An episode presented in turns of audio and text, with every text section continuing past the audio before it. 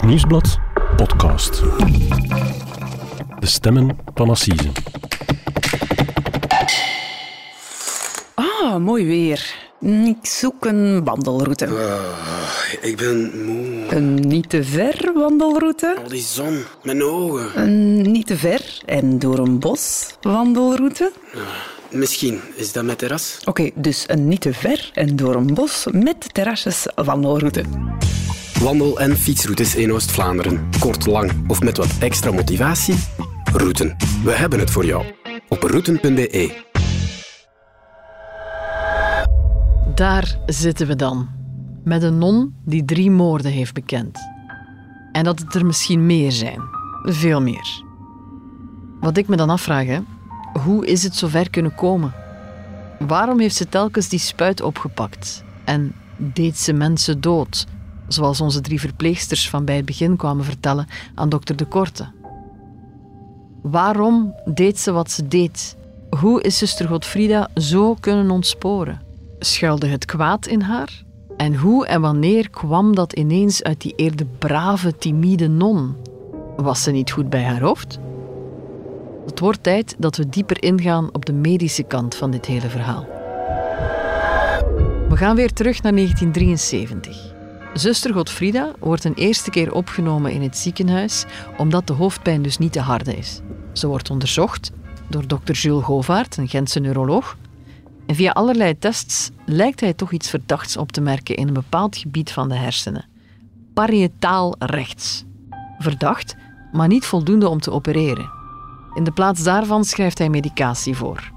Pillen waarvan ze hoopt dat ze gaan helpen, maar helaas, dat is dus niet het geval. Begin 1974 gaat ze terug naar dokter Govaert. Er volgen nieuwe tests en dokter Govaert is ervan overtuigd dat hij een hersentumor opmerkt. En nu is hij heel zeker. Op 21 februari 1974 ondergaat zuster Godfrida een operatie om de zogenaamde hersentumor te verwijderen. De operatie ja, die is niet zonder risico en haar hele schedeldak wordt ervoor opengelegd. Ze overleeft het en nadien krijgt ze zogenaamd goed nieuws. Ik heb bij u een hersentumor verwijderd en uh, ja, normaal gezien zou het probleem nu moeten opgelost zijn.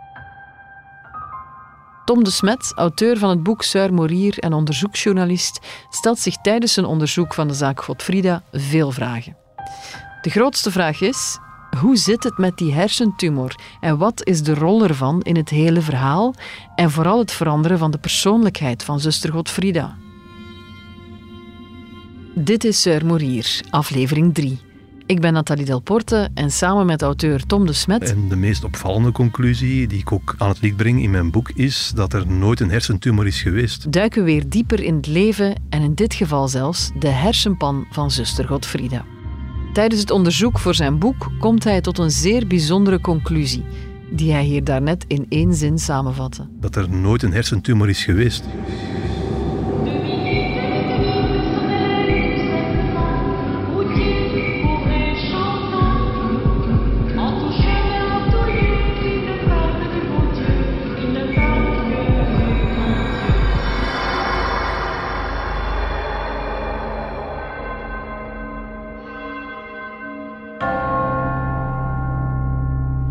Jean-Paul de Korte, die in die tijd huisarts is, nauw verbonden met het rusthuis waar zuster Godfrida werkt, valt om van verbazing als hij dit nieuws verneemt. Kijk, het, uh, de grote verdienste van Tom de Smet is dat hij erin geslaagd is van de synthese van het gerechtelijk dossier te pakken te krijgen en dat daar zwart op wit staat dat de zuster geen hersentumor is. Wat ook voor mij en voor iedereen als een bom is ingeslagen, want dat maakt het eigenlijk nog heel veel erger. Want uh, er is op meerdere niveaus daar iets mee fout dat echt niet kan als dat een neurochirurg zomaar iets beweert en blijft volhouden waar er helemaal niks is. Dat, hey, dat is hallucinant.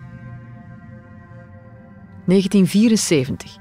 Zuster Godfrida overleeft net de zware operatie aan haar hersenen. En is er vast van overtuigd dat daar eerder een tumor zat. Geen wonder dat ze dat gelooft, want iedereen zegt het. En zelfs de pers pikt dat verhaal op. Oei. Dus uh, er is altijd van in het begin, uh, vanaf de eerste krantenartikels over zuster Godfrieda, beweerd dat zij een hersentumor had. Dat is ook mm. logisch, omdat een neuroloog Jules Govaert destijds gezegd had dat hij een hersentumor verwijderd had. Hij had dat niet alleen gezegd aan Godfrieda, maar ook aan haar familie en aan andere behandelende artsen. Mm. Daar is ook bewijs van. Er zijn brieven teruggevonden waarin hij schrijft: Ik heb een hersentumor verwijderd bij uw patiënt, zuster Godfrieda. Mijn vermoeden is dat hij er wel degelijk van uitging dat er een hersentumor was. Hij heeft dus heel dat schedeldak opengelegd en vervolgens vastgesteld: er is geen hersentumor. Maar dat is natuurlijk een dik probleem, want half die schedel was verminkt, zoals ik al verteld heb. Uh, de rest van haar leven liep ze met een ingedrukte schedel rond. En dat was helemaal nergens voor nodig En dat was dus nergens voor nodig, want er was geen hersentumor. Dus wat heeft Govaert gedaan? Hij heeft intern uh, de operatie geregistreerd als een biopsie. Ja. Uh, maar bij een biopsie moet maar een klein gaatje in de schedel gemaakt worden, moet niet die schedel opengelegd worden. En naar buiten toe heeft hij gezegd van het was een hersentumor, waarschijnlijk om dan het feit dat hij te voortvarend was geweest uh, ja, onder de radar te houden en uh, die schade aan de schedel uh, te kunnen verklaren. Er was geen hersentumor. En daar zaten we dan met niets in het hoofd. Maar zo simpel is het niet, hè? Nee, dus het college van deskundigen heeft het neurologisch onderzoek bekeken. En is tot de vaststelling gekomen dat uh, Jules Govaert eigenlijk gelogen had. Dus uh, hij heeft aan iedereen wijsgemaakt dat uh, Godfrieda een hersentumor had. Ja. Niet alleen aan haar, maar ook aan uh, haar familie, maar ook aan andere artsen. Het is toch vrij hallucinant hoe groot de rol van die dokter Govaert dan is? Absoluut, en uh, dat is dus nieuwe informatie, want dat was tot dusver niet gekend. De, het college van deskundigen wist dat natuurlijk wel, want het staat zwart op wit in hun, in hun document. Ja. Maar het is nooit naar buiten gebracht. Ik ben toevallig op dat document gestoten.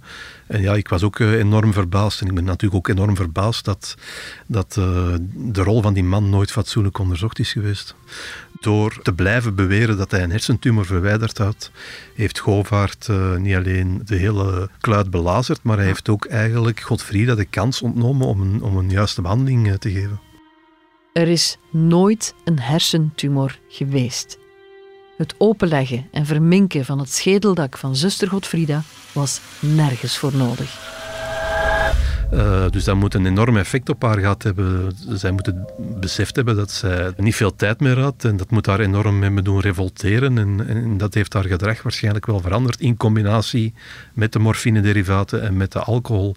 Dus uh, de verantwoordelijkheid van die neuroloog die hm. ondertussen overleden is, dus we kunnen hem daar niet meer mee confronteren is enorm groot. Maar dat is wel degelijk de conclusie van het college van deskundigen, die dus al die onderzoeken hebben bezorgd aan uh, wereldvermaarde neuroloog. De conclusie is heel duidelijk. Er was geen hersentumor. Jules Govaert heeft daar gelogen en dat heeft enorme gevolgen gehad. Stel je even voor, andere tijden, andere materialen, andere onderzoeken. Je gaat een zware operatie in om een hersentumor te verwijderen, waarvan later blijkt dat die er nooit is geweest. Maar ondertussen is dus wel je hele schedeldak eraf gegaan en dat ziet er niet zo fraai uit. Niets dat een nonnenkap niet kan verbergen, maar als je stiekem op café gaat met je beste vriendin, dan moet er zich hier en daar toch af en toe een hoofd hebben omgedraaid, richting dat anders uitziende hoofd. Dat zegt ook dokter De Korte. Ah ja, want eigenlijk moet men daar een prothese steken. Mm. Dus, uh, en dan legt men erop en dan ziet men dat niet meer. Waarom dat niet is gebeurd, is dat afgestorven, uh, weet ik niet, afgestoten, weet ik niet. Waarom men dat niet heeft gedaan, heeft, heeft mij gezegd, dat is toch maar een non. Dokter De Korte heeft alle medische details van dit verhaal bestudeerd. Hij is dan ook heel goed geplaatst om de gevolgen van die operatie en van haar zware hoofdpijnen te kaderen en uit te leggen. En als er geen hersentumor is geweest, hoe verklaar je dan wel de veranderingen in het gedrag van zuster Godfrieda? Kan enkel zware hoofdpijn de trigger zijn om mensen dood te spuiten? En waar komt die extreme hoofdpijn dan wel ineens vandaan? Kijk, als je mensen een spuit in hun poep geeft, dan legt je twee vingers daarop en dan steekt je een naald. Wel, bij sommigen pakt u dikste naald, bij wijze van spreken, en je steekt ze erin en dan zeggen ze, alleen wanneer gaat het nu beginnen? En bij anderen legde je twee vingers op hun achterste en ze springen al tot tegen het uh, plafond. Dat ben ik. ik. Ja? ja. Dus pijn is zo'n subjectieve gewaarwording dat er eigenlijk geen zinnige verklaring voor is. Want moest het werkelijk uh, een echt een organische vorm of oorzaak hebben, wat altijd kan, hè? dus uh, er is er geen lijkschouwing gebeurd achteraf op haar kan dat, maar ik denk dat men daar ook dat met een paar korrels zout moet nemen. Dat ze hoofdpijn had, dat zal een, feit zijn. Uh, daar moet niemand aan dus twijfelen. Maar in welke mate dat erg was en onleefbaar, daar denk ik kan men heel moeilijk uitspraak over doen.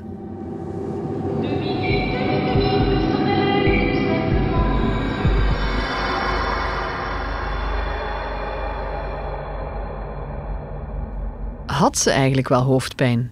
Pijn en de kracht ervan is subjectief. Dokter De Korte ontkent zeker niet dat die pijn er ook effectief was. En Peter de Winter, Peterke, die met het hele gezin heel goed bevriend is met hun tante Nonneke, bevestigt ook de pijn die ze geleden heeft. Op sommige momenten kon ze zeggen van, ja, ik heb echt hoofdpijn en, en ik voel me niet goed, maar ik moet hier wel verder. Want ja, de mensen verwachten dat ik hier wel ben. En dan, ja, op sommige momenten heeft ze daar ook nog zitten wenen bij ons. En dan ons mama dan zei, oh, Gulder maar eens gaan wandelen in de hof. Dat je Gulder dat niet moet meemaken. Maar ja, op een bepaald moment heb je dat wel door dat er iets niet klopt. Is ze niet begrepen geweest toen, met al die hoofdpijnen en zo? Mijn opinie is van een zuster in een klooster dat is iemand die er altijd moet zijn, die altijd moet klaarstaan voor de mensen. Een zuster in een klooster, want ik heb nog in kloosters zelf gewerkt. Ik weet ook hoe dat, dat, dat is een goedkope werkkracht. Iemand die er praktisch 24 op 24 uur is. En ja, als je ziek bent, dan tel je niet mee, want je moet er zijn. En natuurlijk, als je ziek bent en je zit aan de bron, als je een kat bij de melk zet, ja, wat doet het dan? Die, die kat gaat die melk ook op, opdrinken. Zuster Godfrida kon aan de medicijnen. En ja, op een bepaald moment, als je een medicijn pakt en de pijn verzacht, dan denk ik, oh ja, ik ga dan nog maar een pilletje pakken, want ik kan mijn job dan doen en kan ik beginnen verder werken. En ja, als ik dan ook hoorde van, de, van de specialist dat zij haar medicijnen voorschreef die heel zwaar waren, maar dat ze dan ook minder pijn van had.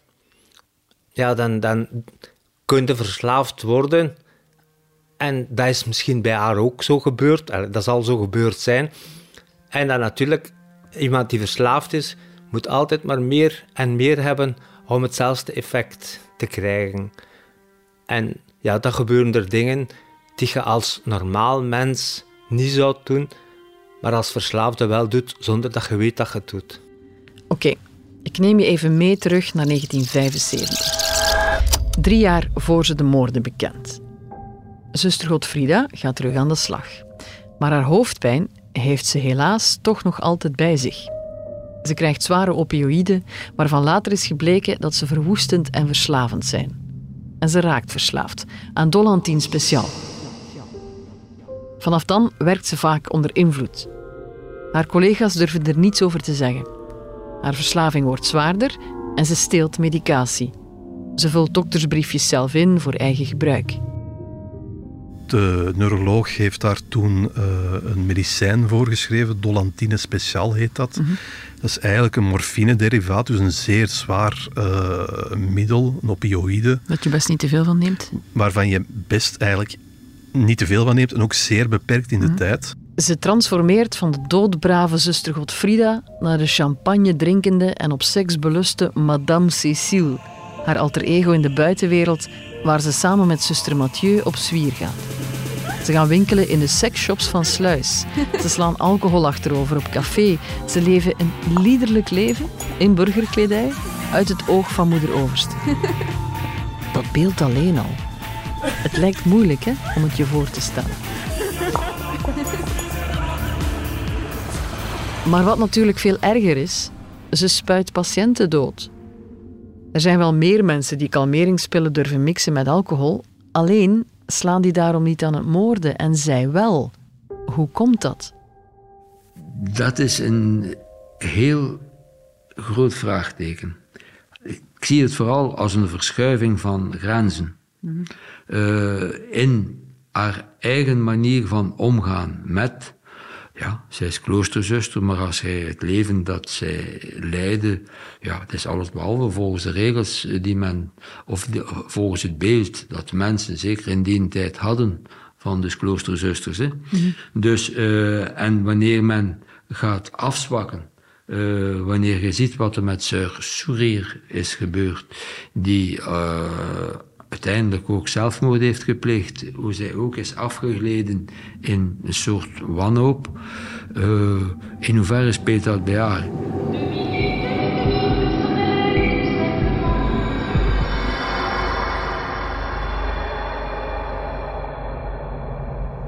In de vorige aflevering kwam je al te weten dat zuster Godfrida uiteindelijk in februari 1978 wordt aangehouden, nadat ze drie moorden heeft bekend.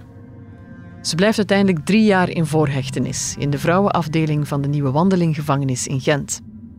Ze wordt er extra in de gaten gehouden, uit vrees dat ze door afkikverschijnselen zelfmoord gaat plegen. Maar ondanks het feit dat ze extra wordt bewaakt, slaagt zuster Mathieu er toch wel in om dingen binnen te smokkelen: geld en zelfs medicijnen. En eerst lukt dat, maar ze wordt uiteindelijk wel betrapt. En als straf krijgt ze een tijd bezoekverbod en mag zuster Godfrida geen tv meer kijken. Het is uiteindelijk daar, in de gevangenis, dat ze in 1980 eindelijk een juiste diagnose krijgt. Ze heeft niet de kwaadaardige tumor die iedereen dacht, maar een goedaardige van de gehoorzenuw. Ze krijgt gepaste medicatie en daarmee gebeurt er ook iets met haar persoonlijkheid. Ze wordt ineens een modelgevangene. Ja, en als je dan een dokter tegenkomt, dan stel je natuurlijk de vraag of, als ze dat allemaal vroeger hadden geweten, de feiten dan ook waren geweest wat ze zijn geworden. Daar heb ik nog een groot vraagteken.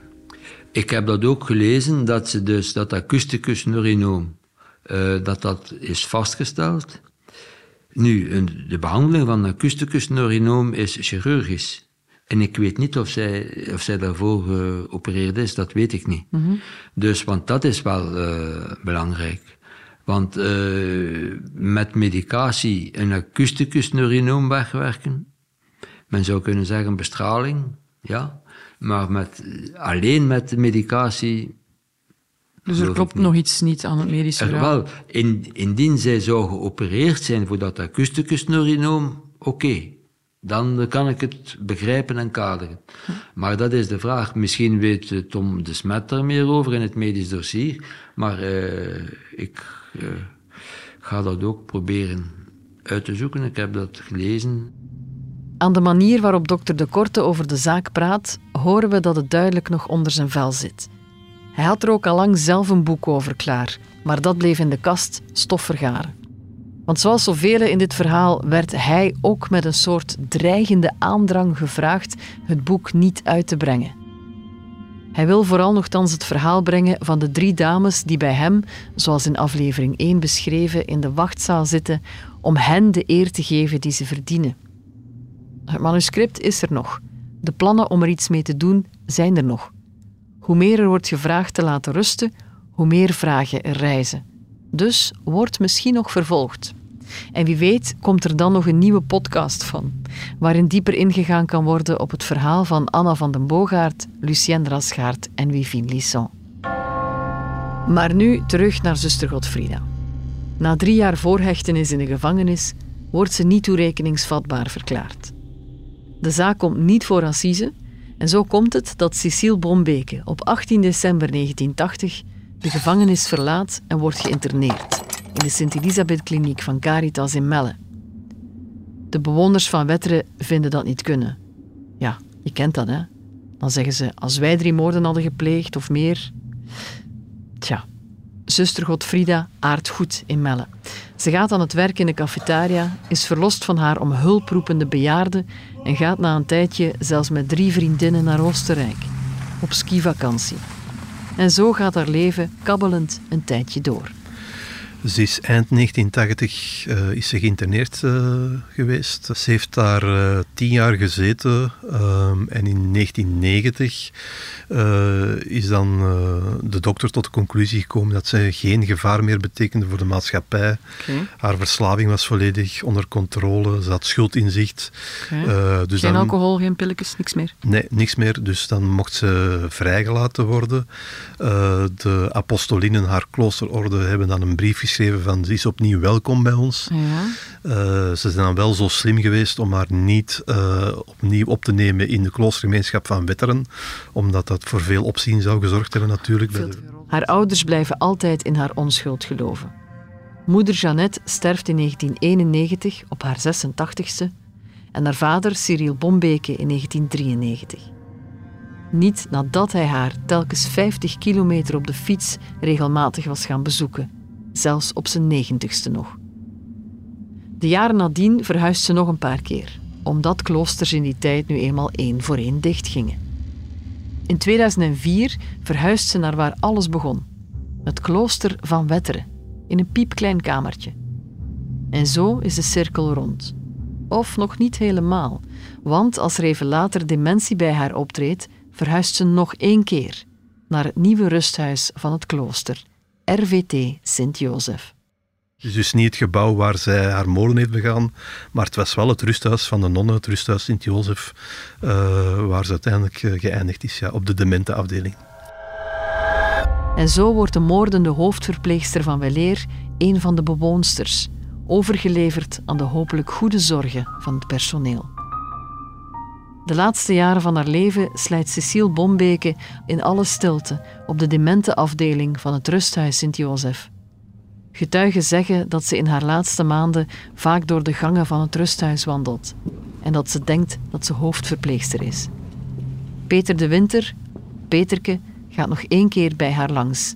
Ze blijkt hem te herkennen, heeft een helder moment. Dan op een keer kwam eens mama binnen. Ah, zuster Godfrida staat aan het hekken aan van het klooster. En ik heb gezegd dat ze even moest wachten, want dat ik een verrassing voor haar had.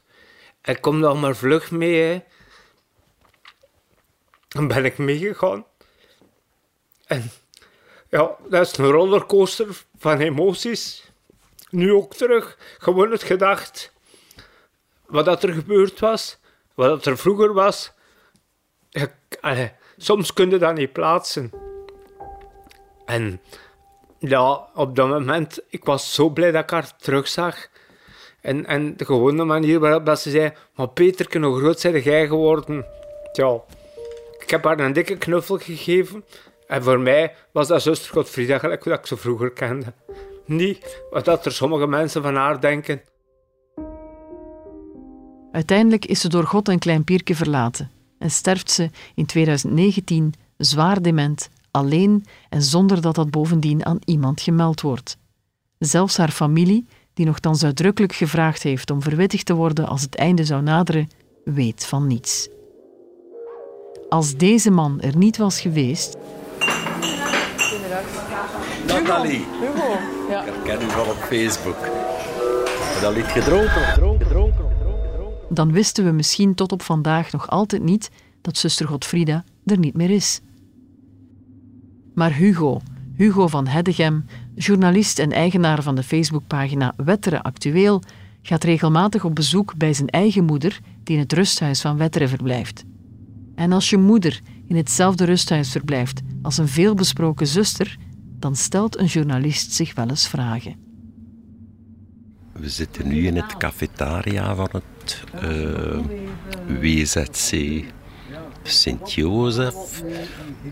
En het is hier dat, ik zou moeten nagaan, ik denk twee, drie jaar geleden, uh, dat ik vernam van een zuster die een koffietje kwam halen, dat uh, zuster Godfrida, haar medezuster, overleden was. Simpelweg door toen ik aan de toog stond en een drankje vroeg en de zuster daar ook wachtte op haar theetje. Toen ik haar vroeg, ah zuster, hoe is het toch met uw collega, zuster Godfrida. Ah, weet je dat niet? Die is, ik denk dat ze zei vorige week of enkele dagen geleden overleden. En niemand wist dat?